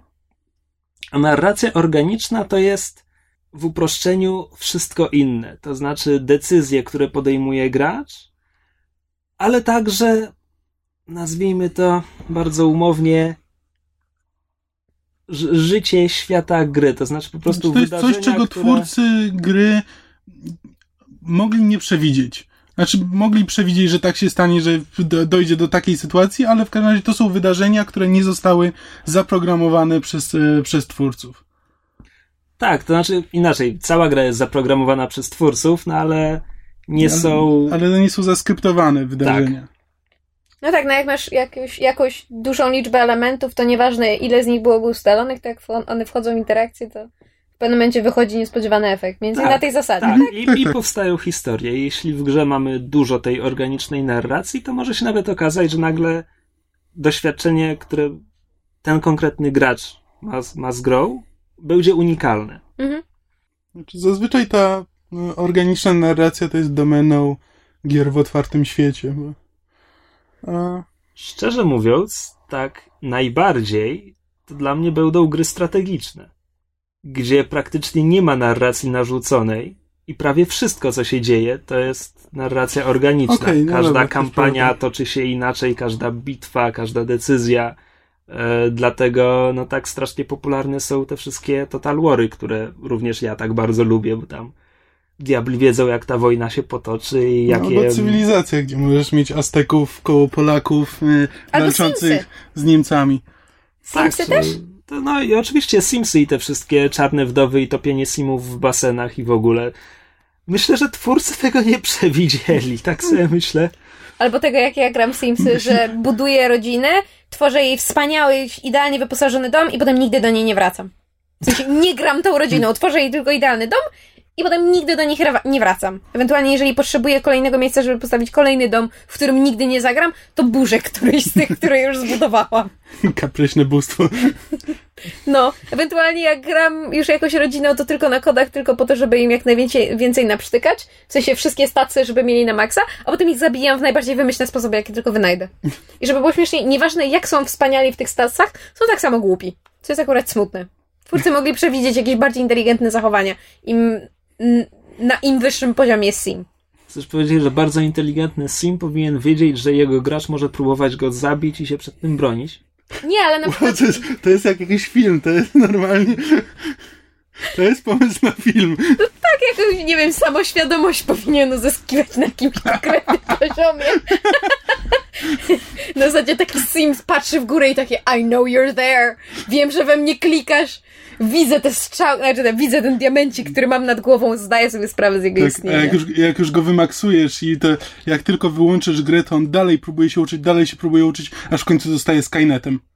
Tak, mniej więcej na tej zasadzie. Nie no, śmieję się, ale zawsze mnie bawiło to, że jakby nieważne jak inteligentny jest Sim, to jeżeli nie daj Boże jest pożar w domu albo jakieś takie nieszczęście nie wynikające z mojego działania, tylko z tych tam jakby scenariusza gry, to on zawsze się zachowuje tak samo debilnie i ja, ja nie muszę pokierować, żeby on nie stał koło tej kuchenki i nie krzyczał jak debil i nie dał się podpalić, tylko ja go muszę zmusić do tego, żeby odszedł od tej kuchenki, zadzwonił po straż pożarną, a potem się odsunął, kiedy straż pożarna przyjedzie gasić ten pożar, bo jeżeli nie powiem mu, żeby się odsunął, to on będzie sprzątał popioły, kiedy kolejna szafka się pali. Tak działają Simsy, nie wiem czy wiesz. No, w każdym razie, kończąc temat Simsów, wracając do scripted versus unscripted, czy jak to tam było? Emergent. Tak, emergent. Właśnie to jest to, w gruncie rzeczy to, co właśnie mi opowiadałaś, to jest, to jest to, co mnie interesuje w tym temacie, to znaczy, kiedy mówimy o jakichś e, głównie RPGach, ale jedną z najważniejszych rzeczy dla mnie jest fabuła. Mm, fabuła gry. E, najlepiej wspominam właśnie no tak jak już tutaj mówiliśmy parę razy, te New Vegas, Vampire Bloodlines, Playscape Torment, nasze Wiedźminy. I tak bardzo się skupiam na fabule, e, kiedy oceniam jakąś grę. Podczas gdy tak naprawdę to, co najlepiej zapamiętuję z gier, to jest właśnie ta narracja organiczna. To są te rzeczy, które się opowiada innym graczom. To są te mhm. historie, które się potem powtarza. Przecież nie rozmawiasz z kimś o tym, ojej, ale jaki był fajny zwrot akcji w tej grze, bo umówmy się, większość gier tę narzuconą narrację ma taką sobie na poziomie kina klasy B. Nic, nic o czym by warto rozmawiać, a właśnie te unikalne historie to jest to, co zapamiętujesz więcej, to jest to, po co grasz. Znaczy, no tak, poza tym, jeśli rozmawiasz z kimś, kto też grał w tę grę, no to, ale fajny był ten zwrot akcji w tym momencie. No, fajny. I na tym się kończy rozmowa. A właśnie, a przy takich, przy takich organicznych momentach to każdy ma jakąś swoją historię, którą może opowiedzieć. Tak, na zasadzie, że nie wiem, e, rozmowa pod tytułem, a bo w tej misji trzeba było zabić tego króla. No, no, koniec rozmowy. A rozmowa pod tytułem, a słuchaj, a czy w tej karczmie, jak tam wszedłeś, to znalazłeś kaczkę? Nie! A co dalej było z tą kaczką? Na tej zasadzie. Nie wiem, dlaczego akurat taki przykład mi przyszedł do głowy. Żeby, Nikt nie wie. żeby było śmieszniej, chodzi mi o żywą kaczkę na środku karczmy. Najlepiej taką, która znosi złote jajka. Masz najlepsze gry ma w swojej głowie. Tak. Co wbrew pozorom bardzo źle o mnie świadczy. E, powiedziałeś na samym początku, że ta narracja organiczna jest domeną gier open worldowych. Ja właśnie zacząłem się zastanawiać, tak jak powiedziałem, że moim zdaniem w strategiach jest więcej, też się mylę, tak sobie teraz myślę, e, czy gry, czy po prostu, czy multiplayer nie jest domeną, gdzie mamy do czynienia niemal wyłącznie z, z narracją organiczną. I nie mówię, nie mówię o morpegach, mówię, myślę raczej o, nie wiem, no przypominam sobie gdzie... ostatnią strzelankę, w którą grałem przez sieć, czyli Star Wars Battlefront, pierwszy. E, no i po prostu, jakby, są bitwy, które mi się wryły w pamięć, bo ich przebieg, nieważne jaki by nie był chaotyczny, ale zależał kompletnie od, od działań innych graczy i wiesz, jakieś akcje rodem właśnie z filmów akcji. Akcji z filmów akcji. Wow. Brawo. Ale, bo powiedziałeś, że ten, że niekoniecznie tam morpegów, ale um, znaczy pewnie nie wszystkich, ale jest ten słynny przykład um, EVE Online? EVE, EVE Online, gdzie tak naprawdę cała gra jest że to dla myszy, bo mysz tutaj rozkłada rączki, bo nie wie o co chodzi. Jestem I... za majutka i nie wiem. Okej. Okay. E, EVE Online jest grą grą w realiach science fiction, w której każdy gracz zakłada swojego pilota ze statkiem i zostaje wrzucony w świat. Tam chyba nie tam jest jakaś fabuła, podejrzewam. Być może, ale ona nie jest, ona jest na drugim planie, absolutnie. Prawdopodobnie jest, ale zadaniem gracza jest głównie dorobić się, żeby stać go było na lepszy statek, lepszy sprzęt i ponoć gra zamienia się wtedy w symulator górnika i trzeba tak dłubać 30 godzin, żeby ale... stać się było na cokolwiek. Ale... Ale nie, bo jeszcze, bo w samej grze zawiązują się korporacje, gdzie ludzie właśnie, którzy już tam się dorobili, e, tam się za, e, zawiązują się w korporacje i wynajmują na przykład innych graczy. Można się zatrudnić u takich osób, żeby coś zrobić.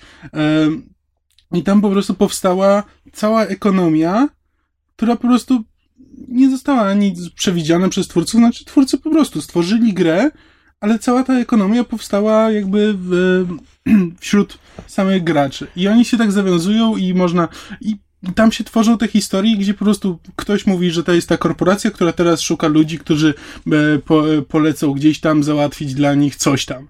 I można się, można się u nich wynająć i można, można dla nich zarabiać.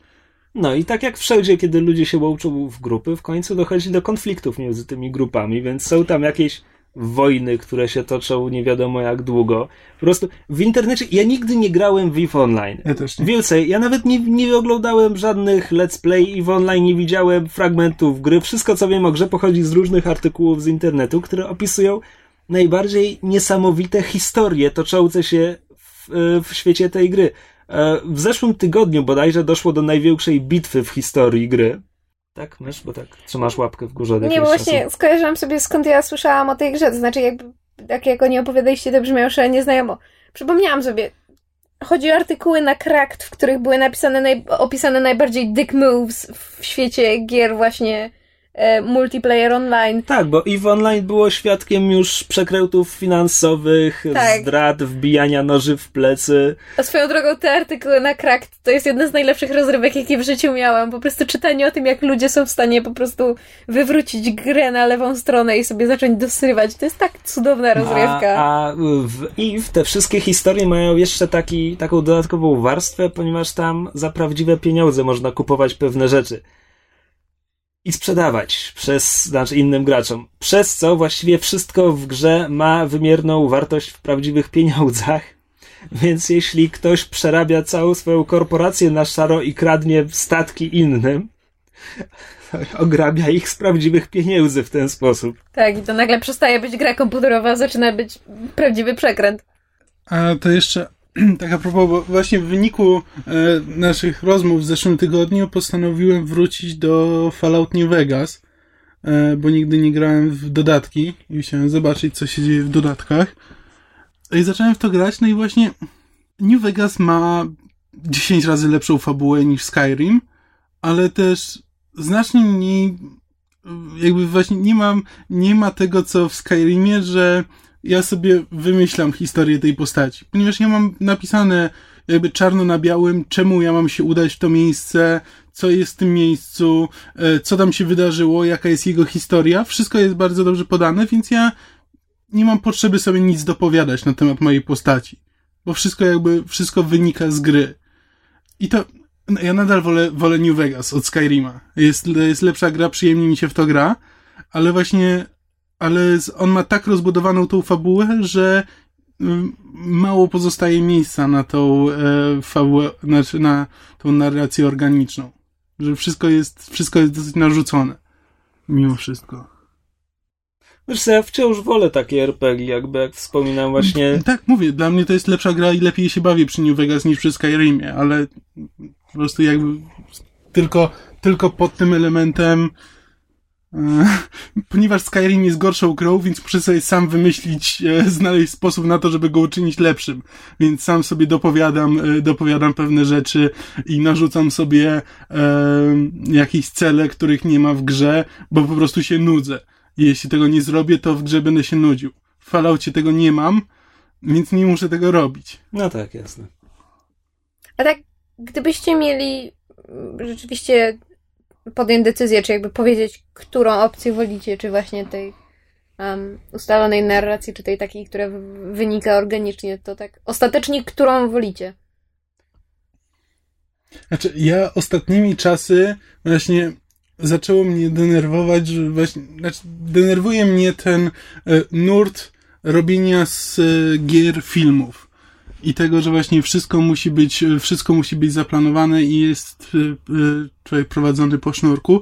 Dlatego też teraz przechodzę bardziej w stronę indie niż tych wysokobudżetowych tytułów. Ja chciałem tylko zauważyć, że to nie jest tak. To nie są dwie wzajemnie się wykluczające narracje, ponieważ ta narracja organiczna to jest właśnie najprostsze rzeczy. To znaczy, jeśli to jest strzelanina, to czy załatwię najpierw tego gościa, czy tego gościa. To jest narracja organiczna. E, więc gra, która będzie jej. Po... Nie ma gry, która byłaby jej kompletnie pozbawiona. Są gry, które są jej niemal pozbawione, czyli właśnie te, które się które są niemal interaktywnymi filmami e, z ostatnich lat, czy nawet roku, to tak sobie myślę, że The Walking Dead jest niemal wyłącznie narracją narzuconą przez twórców. No tak. Pozostaje bardzo dobrą bardzo dobrym doświadczeniem. Chciałem bardzo powiedzieć grą, historią, tak. ale tam prawie nie ma gameplayu. Właśnie o to chodzi. Więc jakby historię, można opowiedzieć fajną historię w grach, tylko dla mnie nie to jest, nie to jest istotą tego medium. No i to, że wiesz, to, że ludzie tam się skupiają właśnie i opowiadają o tym, że, y, że wreszcie ten nieszczęsny David Cage, który ten, czy on opowiada, że, to, że jeśli będzie lepsza technologia i będziemy w stanie zobaczyć każdego pryszcza na twarzy bohatera, to będziemy się z nim w stanie identyfikować i to nam pozwoli na opowiadanie lepszych historii. No, no być może, ale co z tego?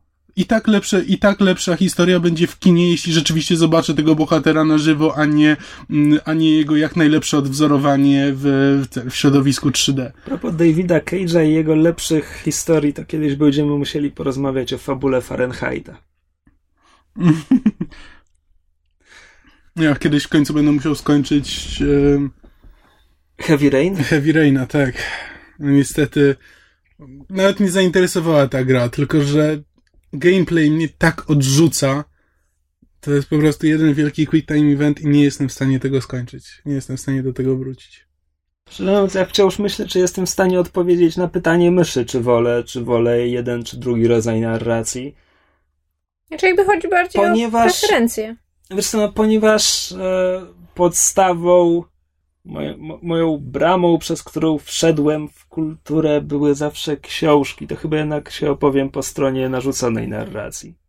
Nie Znaczy- zmienia tego, że potem jak mu opowiadam o grze i o tym, jak to fajnie coś się wydarzyło, to zawsze mówię o narracji Znaczy, Właśnie o organicznej. to chodzi, że narracja organiczna jest bardzo fajną odskocznią i jeśli nagle się wydarzy coś, co wiesz, że nie zostało zaplanowane przez twórców, no to zwracasz na to większą uwagę i jeśli co, to jest coś fajnego, co się fajnie potoczyło, no to chcesz potem o tym opowiadać, ale jakby sama narracja organiczna bez tej narracji narzuconej jakby nie istnieje. Gdyby to było tylko to, to w którymś momencie byś się tym znudził.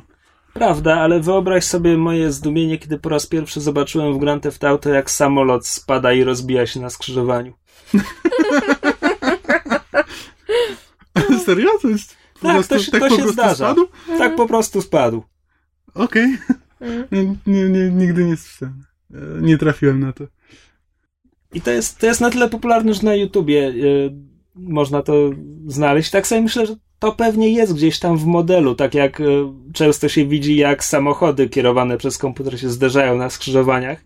Tak sobie myślę, że samoloty, które przelatują nad głowami, też mają wpisane w, w to jakiś błąd pilota, że czasami to się może zdarzyć.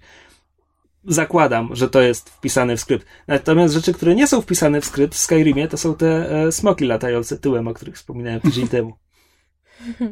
To dopiero jest historia. Jakby jeszcze ogniem działy z drugiego końca. Ojej. Biedne smoki. Smok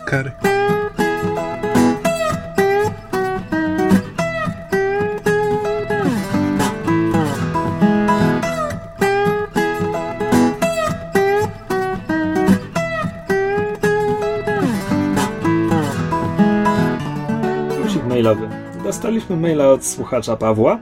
Paweł pisze. Czołem. W ostatnim odcinku rozmawialiście o samoograniczaniu się geeków oraz geekowskim snobizmie, dlatego postanowiłem wtrącić kilka groszy do tematu. Swego czasu byłem organizatorem konwentów miłośników fantastyki we wschodniej Polsce. Współorganizowałem Wiskon oraz byłem twórcą Białego Kruka. Dzięki wspomnianym imprezom miałem okazję obserwować środowisko tak zwanych geeków i dzisiaj chciałbym podzielić się z wami kilkoma z moich obserwacji. Zacznę od stwierdzenia, że geeki podlegają stereotypom, które sami stworzyli. Zanim zacząłem aktywnie uczestniczyć w środowisku miłośników fantastyki, byłem członkiem środowiska miłośników mangi i anime. Wtedy, 12 lat temu, środowisko te nie charakteryzowało się żadnymi specjalnymi cechami. Nie nosiliśmy jakichś specyficznych ubrań, nie malowaliśmy włosów na jaskrawe kolory. Komiksy, VHS-y i płyty z anime to wszystko, na co mogliśmy sobie wtedy pozwolić. Pewnego dnia w naszym otoczeniu pojawił się nowy kolega metal. Tam, tam, tam. Ciąg dalszy w następnym odcinku. Ubrany na czarno z bluzką Black Sabbath. Przyjęliśmy go ale podświadomie wszyscy czuliśmy, że on do nas nie pasuje.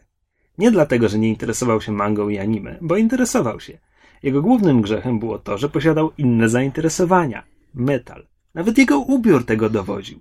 W końcu kolega przestał przychodzić na spotkania. Zrozumiał coś, czego my nie rozumieliśmy. Byliśmy bandą ortodoksów, którzy stworzyli sobie coś w stylu doktryny i nie tolerowali odstępstw od niej. Może nie w jakiś otwarty sposób, ale to wisiało w powietrzu. Jakiś czas później zacząłem angażować się w środowisko miłośników fantastyki. W tamtym czasie był to największy fandom konwentowy w Polsce. Podobało mi się, że oni akceptowali miłośników mangi i anime. Ta tematyka miała na konwentach swoje bloki tematyczne, dzięki którym szybko zostałem organizatorem. Fakt ten sprawił jednak, że stałem się również zdrajcą, według osób, z którymi wcześniej tworzyłem lokalny fandom mangi i anime. A przecież nie stałem się metalem. Nie... Jej! nie zapuściłem włosów. Nie zacząłem grać na miętnie w RPG. Byłem wciąż takim samym chłopakiem, który w domu miał półkę z mangami i pudełko płyt anime. Jedyne, co zrobiłem, to otworzyłem się na nowe gatunki, treści i pomysły. Jednak dopiero organizacja własnego konwentu pozwoliła mi zrozumieć pewne rzeczy. W fandomie miłośników fantastyki dostrzegłem bowiem takie same zachowania, jakich doświadczyłem w środowisku mangi i anime.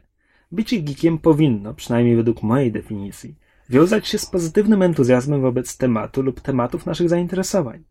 Przychodzi jednak taki moment, gdy geeki zaczynają się zrzeszać, tworząc fandom i coś idzie nie tak.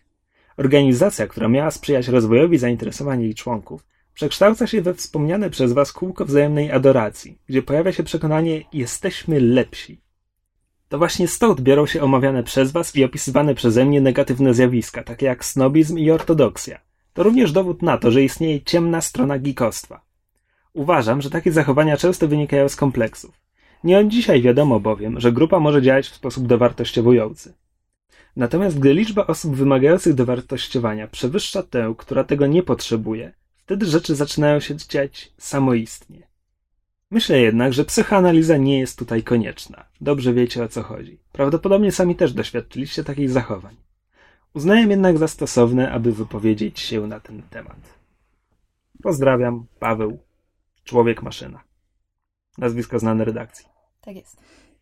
E, to ja chciałabym, jeśli mogę, e, zacząć pierwsza e, i przyznać Pawłowi rację, ponieważ e, to, o czym rozmawialiśmy w poprzednim odcinku, że bycie geekiem polega na, prawda, byciu otwartym i tolerancyjnym i jakby na wchłanianiu jak największej ilości zainteresowań, to jest jakby to, czym w moim i jak wiemy z, z maila w, e, w Pawła odczuciu, jakby to, na czym powinno polegać bycie geekiem. To jest jakby ta, ta jasna strona, ta, ta pozytywna strona. I nie da się zaprzeczyć, że owszem, istnieje ta właśnie ta mroczna strona, o której też Janek wspominał w swoim mailu, że. Ciemna strona, jak już tak. jasna, to i ciemna. Dobrze, ciemna strona mocy bycia geekiem, e, czyli właśnie to takie e, w pewnym momencie wykluczanie. I ja sądzę, że to się. E, znaczy, nie wiem do końca, jak działa, prawda, jakiś, nie wiem, mechanizm psychologiczno-socjologiczno-społeczny, który to powoduje, ale rzeczywiście jest coś takiego, że na pewnym pułapie bycia geekiem, nie wiem, czy to jest właśnie w momencie dołączenia do fandomu, czy już dłuższego bytowania w tym fandomie, na pewnym pułapie bycia geekiem rzeczywiście pojawiają się zachowania e, jakby właśnie ograniczające i wykluczające, ale właśnie dlatego uważam, że ważne jest mówienie o tego typu zjawiskach, żeby właśnie przeciwdziałać temu zamykaniu się. To znaczy, owszem, duże grupy geeków potrafią wpaść w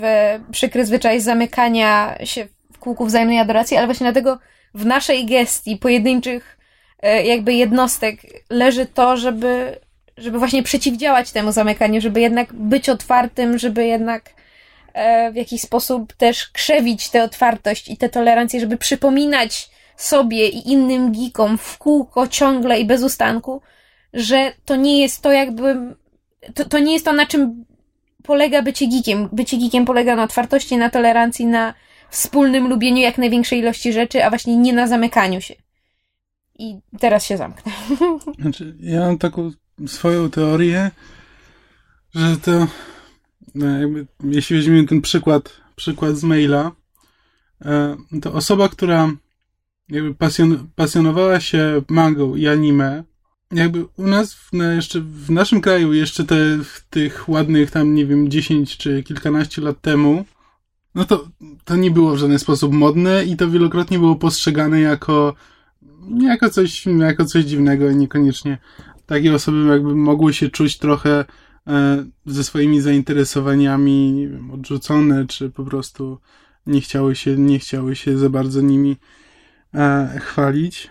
No i jeśli ktoś znajduje sobie taką grupę osób, z, z którymi może dzielić to, jakby po, po różnych przejściach, no i nagle przychodzi ktoś z zewnątrz, właśnie taki metal, który nie przeszedł przez to samo co on, przez, przez to, co jakby ale dla skąd wiesz, że nie przeszedł, jeśli też jest No bo ma- fantastyki i anime? No ale ma inne, ale, przy- ale jest metalem. I to jest jakby, i bycie metalem było w, w porządku. Jakby bycie metalem zawsze było cool. Znaczy, E, I nie ten, nie, nie Czyli sobie- wchodzimy tutaj w psychoanalizę, że jego metalowość była pewną osłoną przed Nie, ja tylko- przez społeczeństwo ja tylko- ze względu na zamiłowanie do mangi i anime. Nie, to jest po prostu osobne, osobne zainteresowanie. I po prostu dla kogoś, kto jakby widzi, dla kogo to był rytuał przejścia, że do, dotknęło go jakby w, jakiś, w jakimś stopniu odrzucenie czy wykluczenie, to, to jest jego rytuał przejścia, że kiedy w końcu znalazł tą swoją grupę. A ta osoba przyszła z zewnątrz, nie przeszła tego rytuału przejścia i nagle chce być częścią jego grupy. Ja mam inną teorię, że to jest kwestia raczej. Znaczy, to może być kwestia raczej tego, że jakby osoba będąca metalem i wchodząca jakby w grupę miłośników e, mangi anime, jakby jest postrzegana jako osoba, która ma już inne ujście dla swoich zainteresowań. Na zasadzie, po pierwsze, po co ci nasze zainteresowanie typu manga i anime, masz już swoje bycie metalem, trzymaj się tego. A po drugie, to jest na zasadzie, że dla nich w pewnym momencie ta miłość do mangi i anime stała się pewnego rodzaju właśnie spoiwem dla grupy. I w momencie, kiedy przychodzi taki metal, który ma już pewną swoją grupę, grupę metali, z którymi słucha takiej muzyki, ubiera się taki, spotyka. I przychodzi do tej grupy, to jest na zasadzie, ale po co ci druga? Przecież już masz jakby swoją grupę, z którą dzielisz zainteresowania, po co ci kolejna? Nie wiem, czy jest w tym jakiś sens, ale taką mam teorię. Okej, to ja już się pogubiłem, bo najpierw mówicie, jakie to jest złe, że geeki się zamykają, a teraz machacie główkami ze zrozumieniem dla... Nie, ale ja nie mówię, że to jest dobre, ja tylko tłumaczę, ale to, A, no Jezus Maria, no ja mogę tłumaczyć, Obiektywna dlaczego, teoria. tak, dlaczego ktoś kradnie albo morduje, ale to nie znaczy, że to popieram, no. okej, Aha, czyli dobra. teraz porównujemy bycie geekiem ze Tak. zbrodnią. Jak najbardziej. Świetnie. Najgorsza zbrodnia na świecie. Aż, Ty się czułeś odrzucany i pogardzany, nie wiem, w szkole czy gdziekolwiek przez swoje No. zainteresowania? ja się nigdy nie przyznawałem, szczególnie do, no, przez, Okej. przez pierwsze lata, przez pierwsze lata, no to nie przyznawałem się, że Geek shame. Tak, no, z, dopiero po jakimś tam czasie się dopiero wyrobiłem sobie pewność siebie, żeby przy ludziach się przyznawać, że ja, nie wiem, lubię komiksy albo kreskówki, albo e, Kaczora Donalda. tak, nie wiem, cokolwiek. Ja miałem problem, żeby się poczuć w pełni jako RPGowiec, tak gdzieś w późnej podstawówce, wczesnym gimnazjum, bo wszyscy gracze, których spotykałem poza moją grupą przyjaciół, ludzi, z którymi grałem, tak to przynajmniej zapamiętałem, wszyscy bez wyjątku e, słuchali metalu albo innych ciężkich brzmień, które nie były dla mnie muzyką. I tak sobie myślałem, to jest muzyka tej grupy. To, to chyba jednak nie jest grupa dla mnie. Więc tak jak mówiłam, e, niestety e, słuchacz Paweł ma rację i istnieje ciemna strona bycie geekiem, No, ale właśnie w, w gestii nas i naszych słuchaczy i y, geeków małych i dużych wszędzie na świecie leży to, żeby właśnie Pozostać po tej jasnej stronie. tak, no starać się, starać się po niej pozostać i przypominać innym, że jakby istnieje ta jasna strona i że wszyscy powinniśmy się kochać i akceptować i w ogóle wszyscy powinni żygać tęczami i być zajebiści. I każdy powinien mieć kucyka, który jest złotem. Zwłaszcza ja. Ja pierwsza powinna mieć takiego kucyka. O czym jest ten podcast? O pszczelarstwie I i psach. weterynarii. Psach. A jeśli macie jakieś swoje przemyślenia, którymi chcielibyście się z nami podzielić, to możecie pisać na adres mailowy myszmaszpodcast.gmail.com Zostawiać nam komentarze na fanpage'u na Facebooku lub na naszym blogu myszmaszpodcast.blogspot.com Albo możecie do nas zadzwonić na Skype'ie. Pod mysz masz podcast. Tak jest. Nazwa użytkownika Myszmasz Podcast. Ta-dam! Pisane razem czy ze spacją? Pisane razem. Tak jak zawsze piszemy. Mysz masz podcast. We are so lame, dear God. Trzeba, trzeba się promować, mysz masz podcast. To już wszystko, co mamy dla Was w tym tygodniu. W przyszłym tygodniu będzie odcinek 20A. Na 21 poczekacie jeszcze. A to dlatego, że nie będzie kworum, które jest wymagane, żeby nagrać pełen odcinek. Kworum to przynajmniej dwie osoby, z czego jedna to Kamil, bo on wie, którego jeśli trzeba tu nacisnąć, żeby to się nagrywało. Tak, my wyjeżdżamy na działkę, więc e, w, przyszłym tygodniu podcastu nie będzie, za to ja na szybko skleję e, odcinek z e, po pierwsze z polecankami podcastowymi, a po drugie z wszelkimi bloopersami i naszymi wpadkami skumulowanymi przez ostatnie 20 odcinków. Czyli to będzie najbardziej wstydliwy odcinek dla mnie, bo większość padek jest moja. Wcale A, nie nie. tylko. Dobrze, to będzie najbardziej wstydliwe dla mnie, bo słuchacze będą mieli e, po prostu przekrój przez wszystkie gatunki mojego historycznego śmiechu. Od chrumkania po rechot, przez rechot popiski. Popiski? Popiski? Popiski? To takie małe popisy. Tylko takie piskliwe. A za dwa tygodnie będzie normalny odcinek 21. Normalny? Mów za siebie. Na tyle normalny, na ile tak nam się to zdarza. Chyba, że wcześniej niebo zwali nam się na głowę. Słuchaliście podcastu Myszmasz. Możecie nas znaleźć na myszamovie.blogspot.com Oraz marvelcomics.pl Podcast nagrany został w studiu Kobart. www.kobart.pl Jeśli macie jakieś komentarze, pytania albo sugestie, jesteśmy także na Facebooku. Podcast Myszmasz dostępny jest także na iTunes. Jeśli wystawicie nam ocenę, będziemy szczęśliwi jak stonka w kartoflach.